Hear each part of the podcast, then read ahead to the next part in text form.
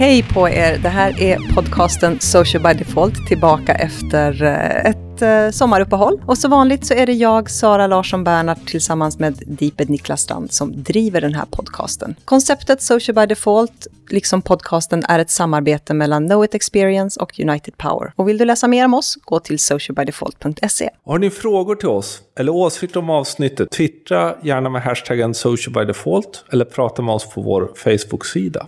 Hej Sara! Hej Niklas! Kul att se dig så här efter sommaren. Ja. Vi jobbar jätteintensivt och träffas i princip varje vecka. Och så plötsligt kommer sommaren och liksom så här... Offline. Ja, man, man, man vet knappt vart den andra är. Men, eh, Nej, men nu är vi tillbaka. nu är det igång igen. Mm. Det är lite lustigt sådär. Man har, jag har ju haft fem veckors semester så jag eh, borde ju vara fantastiskt utvilad. Det är jag. Jag saknar fortfarande solen. Göteborg har ju varit den stad i Sverige som har haft minst soltimmar i sommar. Se där är Så jag, jag får lov att gnälla. Vi hade Mm. sju, åtta dagar. Men så kommer man tillbaks till jobbet och så går det en och en halv dag och så är det som om de där fem veckorna liksom inte har varit. Det är illa. Vi som typ trycker gasen i botten från och med näst, nästa vecka ungefär. Faktiskt, tycker jag. Eh, hur har din sommar varit? Den har varit eh, annorlunda eftersom så att säga, jag har flyttat till Falun och ny stad och ditt sådär annorlunda. L- livet i stort. Eh, men det är ganska bra, ganska lugn. Vi pratade ju lite vad man tänkte göra. Att man skulle, vi skulle läsa och vi skulle göra allting. Jag kan ju lugnt säga att jag har ju inte gjort någonting av det där. Det, Det hände ju något som vi kommer till sen. Ja, precis. Det råkade ju komma ett litet mobilspel emellan. Men jag har gått väldigt mycket.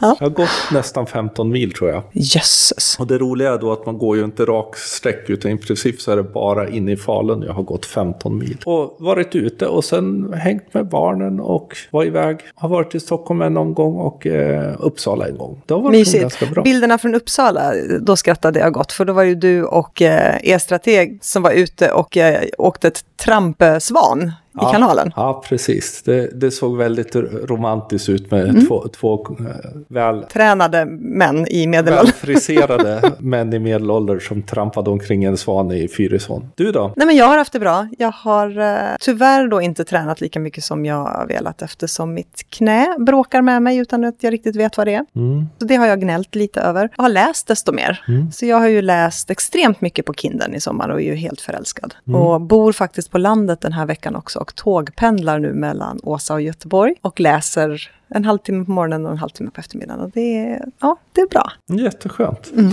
Ja, det vi avslutar med var i Almedalen. Nej men vi fuskade ju, eller jag fuskade ju lite på semestern eftersom eh, första veckan på semestern var ju Almedalsveckan igång. Och du och jag fick frågan om att skriva en eh, artikel om Almedalen, politik och sociala medier. Mm, Så det gjorde vi. SVT Opinion. Mm. Och nu är det höst. Ja, Och det händer ju en del. Alltså vi, startar, vi rivstartar ju. Vi har ju ett skrivjobb som eh, ska vara klart denna veckan, som vi håller på med. Men sen ska vi ha en liten, vad ska man säga, Kick-off. kick-off nästa vecka. För då åker vi till The Conf i Malmö. mm. det ska bli riktigt, riktigt spännande. Alltså, Ja. vi har ju varit på The Conference två år. Mm. Men det var ett tag sedan. Det var väl något eller några år sedan vi var Mm. senast då. Det är ju alltså en av Sveriges bästa konferenser. På så sätt att den är annorlunda. Det är annorlunda ingångar, det är annorlunda vinklar liksom. Mm. Och sen är det väl skönt, vi jobbar ju inte på den utan vi är ju bara där. Liksom. Jag vet. Det, och, alltså det känns så lyxigt att bara få åka dit och, och vara och lyssna och vara deltagare. Och träffa kompisar. Ja, Ja. för sen ska vi ju, alltså vi har ju ett par publika föreläsningar under hösten. Vi har ju dels Someday, alltså socialmediaday.se, som är den här Precis. konferensen som är helt tillägnad sociala medier. Mm. Då pratar vi. Sen har vi en frukostföreläsning i Göteborg för content. Igen. Då pratar Kul. vi också. Ja, det är jätteroligt. Ja. Och sen så har ju vi för fjärde året i rad då hand om ett utav spåren dag två på internetdagarna. Precis, Det det, har vi ju- Mm. suttit och jobbat med idag också. Det ser riktigt kul ut. Och allt det här är ju vansinnigt roligt, men det blir ju så att när man, när man ska prata eller när man jobbar med någonting, då, då har man ju fokuset väldigt mycket på det. Så att The Conf ska bli riktigt lyxigt. Jag Mm. Ja, ser precis. otroligt mycket fram emot det. Precis, så alla de här, de andra grejerna länkar vi till där det finns om man vill köpa biljetter och sådana saker och träffa oss. Den här då, podcasten? Men den kommer vi fortsätta med. Ja, det har vi väl tänkt. ja, det här är ju vårt 40 avsnitt. Ja, precis. Och det blev ju ett specialavsnitt i somras. Mm. För er som har missat det så kan vi säkert länka in det också i Ja, show notes. precis. Jo, det kändes som det var, och vi kommer prata mer om det lite senare, vad det handlar om. Men vi tänker väl helt enkelt också försöka trycka till det lite ännu mer. Än Mm. sådär, att hitta ännu fler intervjuer och framförallt se till att eh, det här blir en ganska viktig del av Social by Defaults ja, Arbete eller var. arbete och sådär. Därför vi tror att det är ganska, det är många som uppskattar det, så det är jättekul. Mm. Vi kommer köra på idogt och varje vecka är Mm. målet. Eftersom den lilla enkäten, det var bara Eva Ernfors som tyckte varannan vecka, det funkar inte, vad heter hon hinner inte lyssna ikapp. Jo, men varje vecka är det väl tänkt. Om Ja. det inte är så att det blir en galen vecka eller Precis. Helg som gör att den andra delen än jag i Social by Default behöver sitta och klippa Ja, podd precis. och inte kan. Vad har hänt nu då? För det har ju faktiskt gått en sommar Mm. sedan den senaste podcasten och det har ju skett en hel del saker, både mindre saker och stora saker. Någonting som jag tycker är roligt, det är ju alla minns Ice Bucket Challenge. Mm. Och majoriteten var ju positiva till den. Sen fanns det ett antal som kanske var mindre nöjda med vad liksom hela det här, vad ska man säga, fenomenet som drog över nätet Vi hade väl lite olika nivå på fascinationen av det här kanske. i början. Men det som har hänt är ju att eh, alla de pengar som kom in har faktiskt givit resultat för att de har eh, lyckats eh, göra ett genombrott i forskningen. Mm. Ett viktigt genombrott som Mm. kan, faktiskt kan komma, självklart på lång sikt, men faktiskt eh, lösa gåtan med ALS. alla vi som har faktiskt donerade en viss summa pengar till eh, ALS Ice Bucket Challenge kan nu sträcka lite på oss. För att vi har varit med i någonting otroligt viktigt. Mm, och särskilt vi då som också fick en spann iskallt vatten över oss kan ju Mm. sträcka oss ännu mer. Annat så, just med film och rörligt, alltså det, när vi skrev vår, och gjorde vår podcast om vad som kommer det här året så var det ju rörligt vi pratade om. Det, det, det smäller ju på så in i bomben. Ett av de senaste exemplen som jag tycker är ganska spännande det är att en del journalister helt enkelt väljer att, även om de så att säga är anställda och jobbar eh, eller frilans inom de traditionella medierna, väljer att försöka hitta nya vägar. Och det senaste är då Hildebrandt och Madonna, Johanna Hildebrandt och eh, Sakine Madonna, som då har skapat en egen kanal på YouTube och helt enkelt gör inslag där med då en, eh, andra journalister som också är med och jobbar. Det är ganska spännande. Det är jätteroligt. Så det ska bli kul att se vad, för de är ändå bland de första och se om det finns fler som bar på och tar efter. Ja, och just gör de här de tillsammans och fak- faktiskt gör en journalistisk produktion. Och sen en annan eh, grej som blir lite kul, det är ju att vi kommer ju allihop komma ihåg Ello. Nu kommer ett nytt socialt nätverk som heter Hello. Det, det är egentligen det mest intressanta med det är faktiskt att det skapar en bra bakom Orkut som var ett ganska stort nätverk innan Facebook. Tror vi att det kommer lyfta? Nej. Facebook dödade?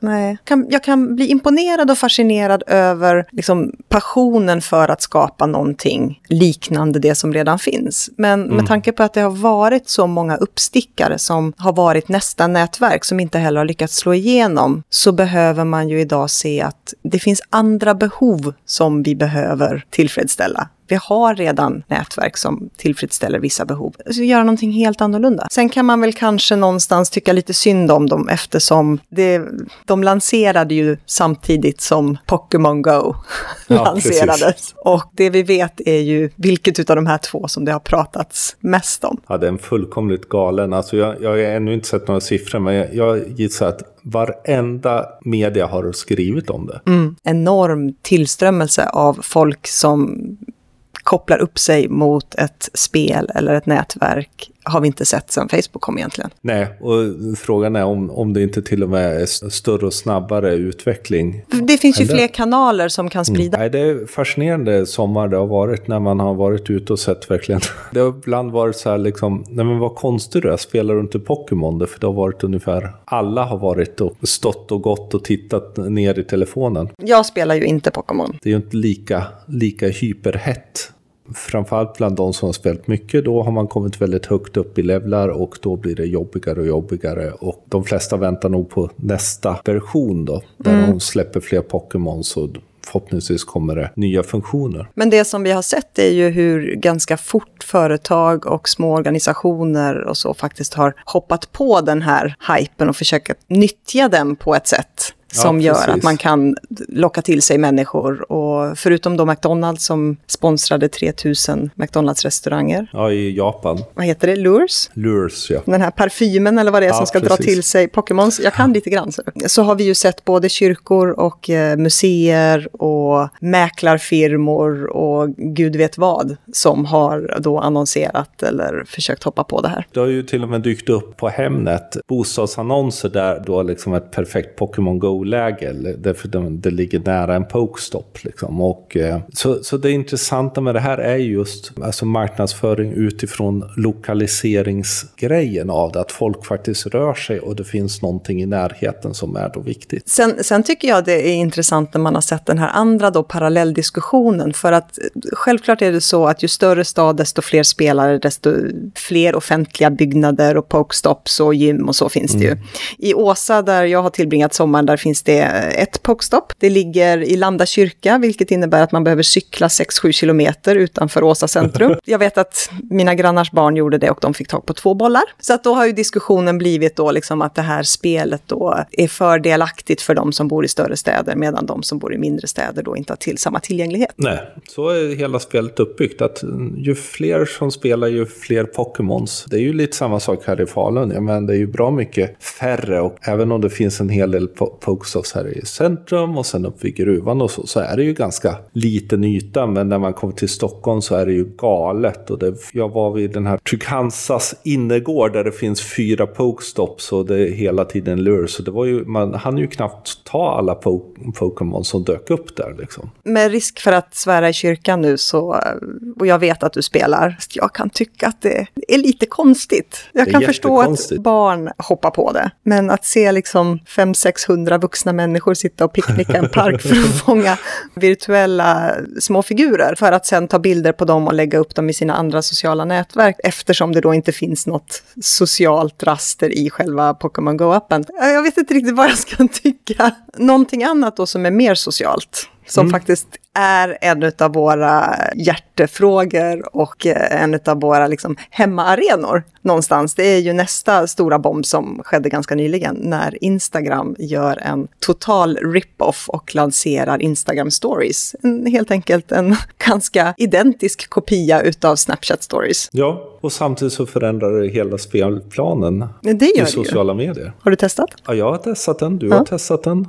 Och väldigt många har testat. Diskussionerna har ju gått, liksom, kan man kopiera någon annans nätverk på det här sättet? Är det schysst gjort av Instagram? Varför gör man det? Och det man har sett är ju egentligen att Instagram, från att ha varit ett nätverk där folk har delat med sig av vardagsögonblick, så har kravet på bättre och bättre bilder och snyggare och snyggare bilder kommit. Så att man har helt enkelt från Instagrams sida sett att själva användarbasen har inte minskat, men aktiviteten har minskat. Alltså man uppdaterar mer sällan och man är mer noggrann med hur bilderna ser ut som man lägger upp. Mm. Det har blivit ett för snyggt nätverk helt enkelt. Mm. Mm. Och då har de då sett att framförallt unga då skapar dubbla konton. Ett fulkonto som de håller stängt med liksom för närmsta kretsen och sen så ett snyggkonto. Men ser då hur Snapchat äter efter liksom den typen av vardagsbilder som egentligen Instagram växte upp med. Och nu gör de en rip-off. Jag kan ju tycka att det är lite sådär, rip-off, ja visst. Det de har gjort är att de har tagit eh, realtidsfunktionen, disposable media-tanken, som då Snapchat var först, och faktiskt stoppat in det i sitt. Men jag vet inte om det finns en sån kreativ höjd att man kan prata om, bli så arg som många har blivit på det här. Sen vet jag inte om de har gjort det bättre, helt ärligt. Jag kan Nej, det tycker inte jag. fortfarande tycka att Snapchats funktionalitet många gånger är bättre. Men det som är speciellt med Instagram det är ju att den eh, Instagram Stories den bygger på algoritmen. Vilket mm. innebär att man ser då de man mest interagerar med kommer först i då den här Instagram Story. Och det kan man ju sakna på Snapchat. Det har vi ju märkt att ju fler konton man följer så får man ju liksom leta efter de som man vill se. Och jag har avföljt väldigt många konton i sommar på Snapchat för att jag är faktiskt mest intresserad av vad mina vänner gör. Även om det finns ett, en hel del företag som är riktigt duktiga. Mm. Så är det fortfarande vad du gör eller Skandevall gör eller uh, mina andra kompisar som är det som jag tittar på. För det mm. handlar väldigt mycket om underhållning. Mm. Och närheten, självklart. Mm. Men däremot så tycker jag Instagram stories då funkar väldigt bra när man väl tittar. Därför det, de har haft några buggar, men ju bättre och bättre det blir, ju nästan så det känns som det går snabbare att titta igenom sitt flöde. Mm. Det de saknar är ju de roliga sakerna. De har inte särskilt många filter. Nej. Eh, de har tre olika typer av pennor som du kan skriva. Du kan i och för sig skriva ganska långa texter, men de kan bara vara vita än så länge, vilket ja. innebär att har du ljus bakgrund så kvittar det egentligen vad du skriver. Och de har inga linser. Och det är ju det som fortfarande Snapchat lever på, att det är faktiskt roligare. Sen har de ju en fördel. Har man idag som företag eller varumärke eller, eller person en, en stor fanbase eller en stor följarskara på Instagram så ser du ganska fort att du får många tittare på din story. Ja, och det tycker jag jag ser eh, generellt på min egen. Alltså jag har ju mm. flera hundra fler tittare, de få Instagram-stories jag gör mot vad Snapchat är. Och det är ju ja. helt enkelt att man redan har en uppbyggd följarskara och samtidigt är det enklare att hitta varandra. Därför det är ju fortfarande, Snapchat har ingen sökfunktion. Nej, och det kommer de tycker jag behöva addera för att mm. faktiskt kunna svara upp. För någonstans så blir det ju ett litet krig emellan nu Snapchat och Instagram där Instagram stories kanske blir mer Snapchat för vuxna. De som inte har greppat Snapchat stories tycker att ja, men det här är ju en jättebra grej. Och jag har mina vänner här och jag kan se det. Jag behöver inte bygga upp en ny fanbase eller en ny följarskara, utan det är bara att köra. Nej, och sen får man ju också se hur det blir just runt influencers. Jag såg vår kompis Thomas Moen gjorde faktiskt en video och har pratat mycket med, med influencers. Och det är flera av dem som antingen tänker nu att Nej, men nu gör jag allting på Instagram, både realtid och snygga bilder. Eller som ännu inte gått startat Snapchat och helt enkelt kommer hoppa över det och satsa på Instagram Instagram helt enkelt för man har, sin, man har folk där och det är någon, ett stort nätverk. Det är ju ändå så att Snapchat har ju sagt att man har 150 miljoner dagliga användare. Instagram har 300 miljoner dagliga användare. Sen är Snapchat så att säga större densitet. 60 procent av användarna laddar faktiskt upp saker varje dag, medan bara 20 procent av, av Instagram. Men det är ju frågan om det kommer ändras nu då i och med stories. Eh, I och med fulbilderna försvinner. Man ja, har inte samma krav på sig. man kan göra fulbilder som försvinner efter 24 timmar. Liksom. Men här är ju också frågan hur man då ska tänka som företag. För jag menar, är mm. du ett företag, du har dina, säg 10 000 följare på Instagram. Ganska högt räknat om du är ett mindre företag. Ponera att du har det och du vet att du har en relativt ung målgrupp. Hur, hur ska du välja där? Ska du göra stories på Instagram eller ska du faktiskt försöka bygga upp en fanbase på, på Snapchat? Om man nu står i valet och kvalet. Mm. För jag tror att det är det som många företag kommer att, att brottas med. För vi ser ju att det är väldigt många företag som faktiskt har testat på Instagram stories mm. nu. Men där har vi ju fortfarande algoritmen som gör att interagerar du inte med dem vanligtvis, ja men vad händer med storyn då? Den kommer ju hamna ganska långt bak och ser man den då? Jag har faktiskt för, försökt förstå hur den där fungerar. För jag, jag följer ju ganska många, både företag och annat. Och eh, tycker ju ändå att det borde vara fler som gör stories än de kanske 25 stycken som är som mest. Liksom. Mm. Så jag, jag, funderar hur den där fungerar egentligen. Men jag, jag tror det är en viktig del. Och också fundera över, ja men kan man ha någon sorts, liksom, man har de snygga bilderna på det vanliga Instagram, man har de mer vardagliga bilderna på Instagram stories och man har det roliga på Snapchat. Det är kanske någon sån, en sån nivå man får lägga sig på. Jag kände, jag började ju med båda ett tag, eh, precis när det släppte, men insåg att jag håller på att lägga upp samma sak på Snapchat och så gör jag samma sak på Instagram. Ja, men det blir ju inte kul för någon. Nej. Allra minst för mig.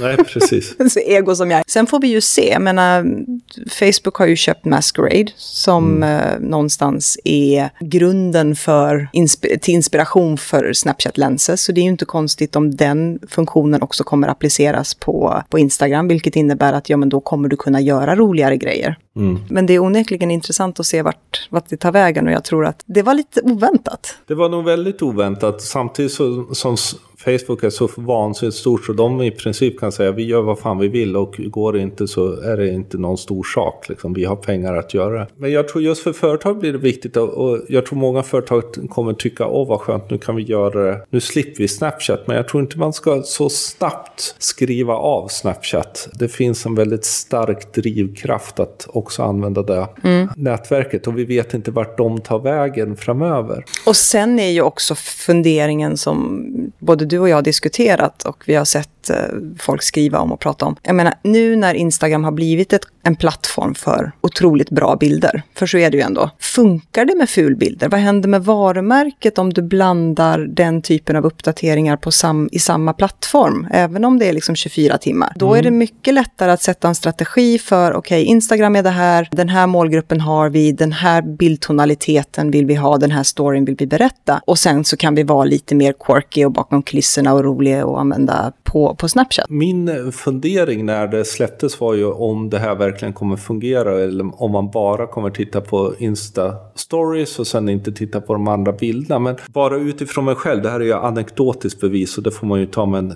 stor nypa salt, är ju någonstans att jag har ju tittat mer på in, även det vanliga flödet i Instagram än jag gjorde innan. Det för min drivkraft är att gå in och titta om du har gjort något eller någon annan, mm. även om det finns något kul på stories. Och sen när stories är tittade på, då blir man kvar och så snurrar man sig igenom 10, 20, 30 bilder i det vanliga flödet som är annorlunda, som man så att säga, har ett annat beteende mot. Så vi får nog se. det. Jag tror min farhåga att övriga bilder skulle bli helt bortglömda tror jag inte riktigt på. Men det ska bli intressant att se engagemangsratings på det. Det som, det som Snapchat nu har gjort då, inte som ett svar på, för det hade de ju planerat innan också, det är ju att de har köpt uh, Bitmoy. Mm. Vilket innebär att du kan koppla ihop och göra din egen Bitmoy-figur och lägga upp. Och kör du då direktmeddelanden tillsammans med en vän som också har sin Bitmoy så finns det små stickers där ni är tillsammans. Det är riktigt coolt just det mm. där att liksom det är så integrerat att jag menar du och jag kan dansa liksom och då är det verkligen din bitmoj och min bitmoj men jag kan göra det med någon annan kompis och då är det våra. Så ni som inte har testat det här och finns på Snapchat, koppla ihop det med er uh, bitmoj-app för det är riktigt roligt. Och efter en eh, hel kväll och morgons huvudvärk och tandgnisslande och googlande på nätet så kan ni som fortfarande bara sitter på en iPhone 5. Ni behöver uppgradera. Ni behöver byta telefon för att eh, iPhone 5S funkar det på men inte iPhone 5. Ja. Facebook då? Ja, de har ju också gjort en massa förändringar nu. Eller massa, men de har gjort en del förändringar. Framförallt på sidor. Där har mm. de ju ändrat utseendet. Eh, så det ska bli enklare att arbeta med. På desktop framförallt mm. är den stora förändringen. Där de har flyttat runt saker som man knappt känner igen. Men det är väldigt cleant och snyggt. Och ja, det är jättefint. Det känns lite som att tanken de har med att Facebook Pages på desktop handlar väldigt mycket om att någon har gått in och sökt eller tagit sig dit via någon sorts länkning och, och på så sätt medan fortfarande så ser sidorna ganska ut som förut i mobilen. Så de har börjat separera det utseendet. Det är ganska spännande. Ja, det är intressant. En ny algoritm igen. Vi pratade ju om det i vår, vår sista för våren där, som, där både Facebook fuckar upp feeden, den eh, podcasten, om det här med att vänner blir, kommer lyftas upp. Nu har man också lanserat att man kommer straffa uppenbara clickbait-rubrik Äntligen. Ja, fast media är väl måttligt fascinerade. de liksom, först så får de en rak höger och så sen kommer liksom vänsterkroken direkt efter det. Men helt enkelt, det här, den gjorde det och du vet, förstår inte vad som, du kan inte tänka vad som gjordes sen då. Alla, alla sådana kommer helt enkelt straffas, vilket innebär mm. att man också gått tillbaka till en gam, gammal god SEO-tänkande. Att jag menar, i rubriken ska finnas det som texten handlar om, då ja. kommer den lyftas upp upp och sådär. Så generellt bra för oss användare, återigen, man straffar företag och media. Och jag säger äntligen för att eh, jag tyckte att även hederliga, trovärdiga liksom, stabila nyhetssajter testade av det lite grann, vilket kändes som att nej, lägga av. Tillbaka till eh, det gamla goda med mm. riktiga rubriker som berättar vad texterna handlar om. De som är skeptiska, förutom medier som är skeptiska generellt mot Facebook, om de inte får bestämma själva och bara få det gottigaste. Men de som ändå är lite kritiska till förändringen är ju någonstans att ja, men det kommer ju innebära kanske att människor ändå inte då klickar på rubriker eftersom det finns en anledning varför clickbait fungerar. Ja, men, och det har ju med våra beteenden att göra. Mm. Och just beteendet nyfikenhet är ju en, en, extremt stark drivkraft och det var ju det som den spelade på. Det är ju frågan om, om man både straffar ut medierna utifrån att ta bort det och samtidigt e egentligen inte bryr sig om att vi faktiskt triggar på sådana saker och vill läsa sådana saker. Nej men det vi ser är ju att Facebook vilar ju aldrig, de förändras ju hela tiden och det är ju, det är ju hela tiden det vi kommer tillbaka till, att det är användaren som står i fokus. För ja. de vet att sticker användarna, ja men då, då dör Facebook. Då är det liksom ingen idé att låta företag och media och annonsörer och sånt få för stor plats. Och det är väl det de har sett också i alla undersökningar. Vi har ju gjort en hel del, eh, titta på eh, olika jobb som vi gör. Och jag har i sommar också haft en kampanj pågående. Och, och där det är så solklart att jag menar, bra kampanjer, rätt targetade, fungerar väldigt bra. Även om att man inte behöver ta till fulknepen. Utan jag menar, ha, ha riktigt bra grejer, bra innehåll så kommer det faktiskt driva trafik om man vill driva trafik. Eller åtminstone skapa engagemang. Helt enkelt fortsätta göra bra men mycket mer kvalitativt innehåll. Ja, precis. Eller som Jocke säger, do good shit. Så här är det ju och det har ju hänt en, en hel del andra saker också. Vi märker ju, vi har ju skojat lite grann om det, att det finns någon slags 90 dagars cykler. Det är Q1 och Q2 där, där saker och ting lanseras. Vi har ju sett att det har hänt en hel del nu under sommaren. Så det ska bli kul att se om 90 dagar vad det är som händer då. Eh, och fram till dess så kommer det väl vara lite små grejer som bubblar. Liksom. Precis, och vad som är kvar. Har vi några tips? Glömde säga det innan när vi pratade om Instagram stories, att Eh, man kan ju faktiskt ladda upp bilder på Instagram stories som är tagna under de senaste 24 timmarna. Vilket innebär att när man är i eh, produktionsläge, alltså när du ska ta en bild eller när du ska ta en film till Instagram stories, om du då trycker på skärmen och slidar neråt så kommer det upp en liten menyrad med de senast tagna bilderna under de 24, senaste 24 timmarna som du kan ladda upp. Det är inte alla som har sett det. Nej, och det är ju lite liknande Snapchats uh, memories, memories. Där, man, där man kan ladda upp. Så det är ju bra. Men uh, testa det, för det, det, var en sak som jag inte fattade att de hade gjort och tyckte var ganska dåligt egentligen. Bra att de har gjort det. Mm. Jag vill faktiskt tipsa om ett gammalt nätverk som heter Quora. Det är en social knowledge base, alltså helt enkelt, man, folk ställer frågor där och man kan gå in och svara där. Det är liksom crowdsourcad eh, kunskapsbank. Och man kan tänka att ja, men det där fungerar ju inte, men det fungerar otroligt bra och det är oerhört hög klass på svaren. Ja, vad roligt. Man kan ställa en fråga om, om Facebook och så faktiskt dyker upp någon som jobbar på Facebook och svarar på den. Liksom. Vad kul att vara igång igen. Ja.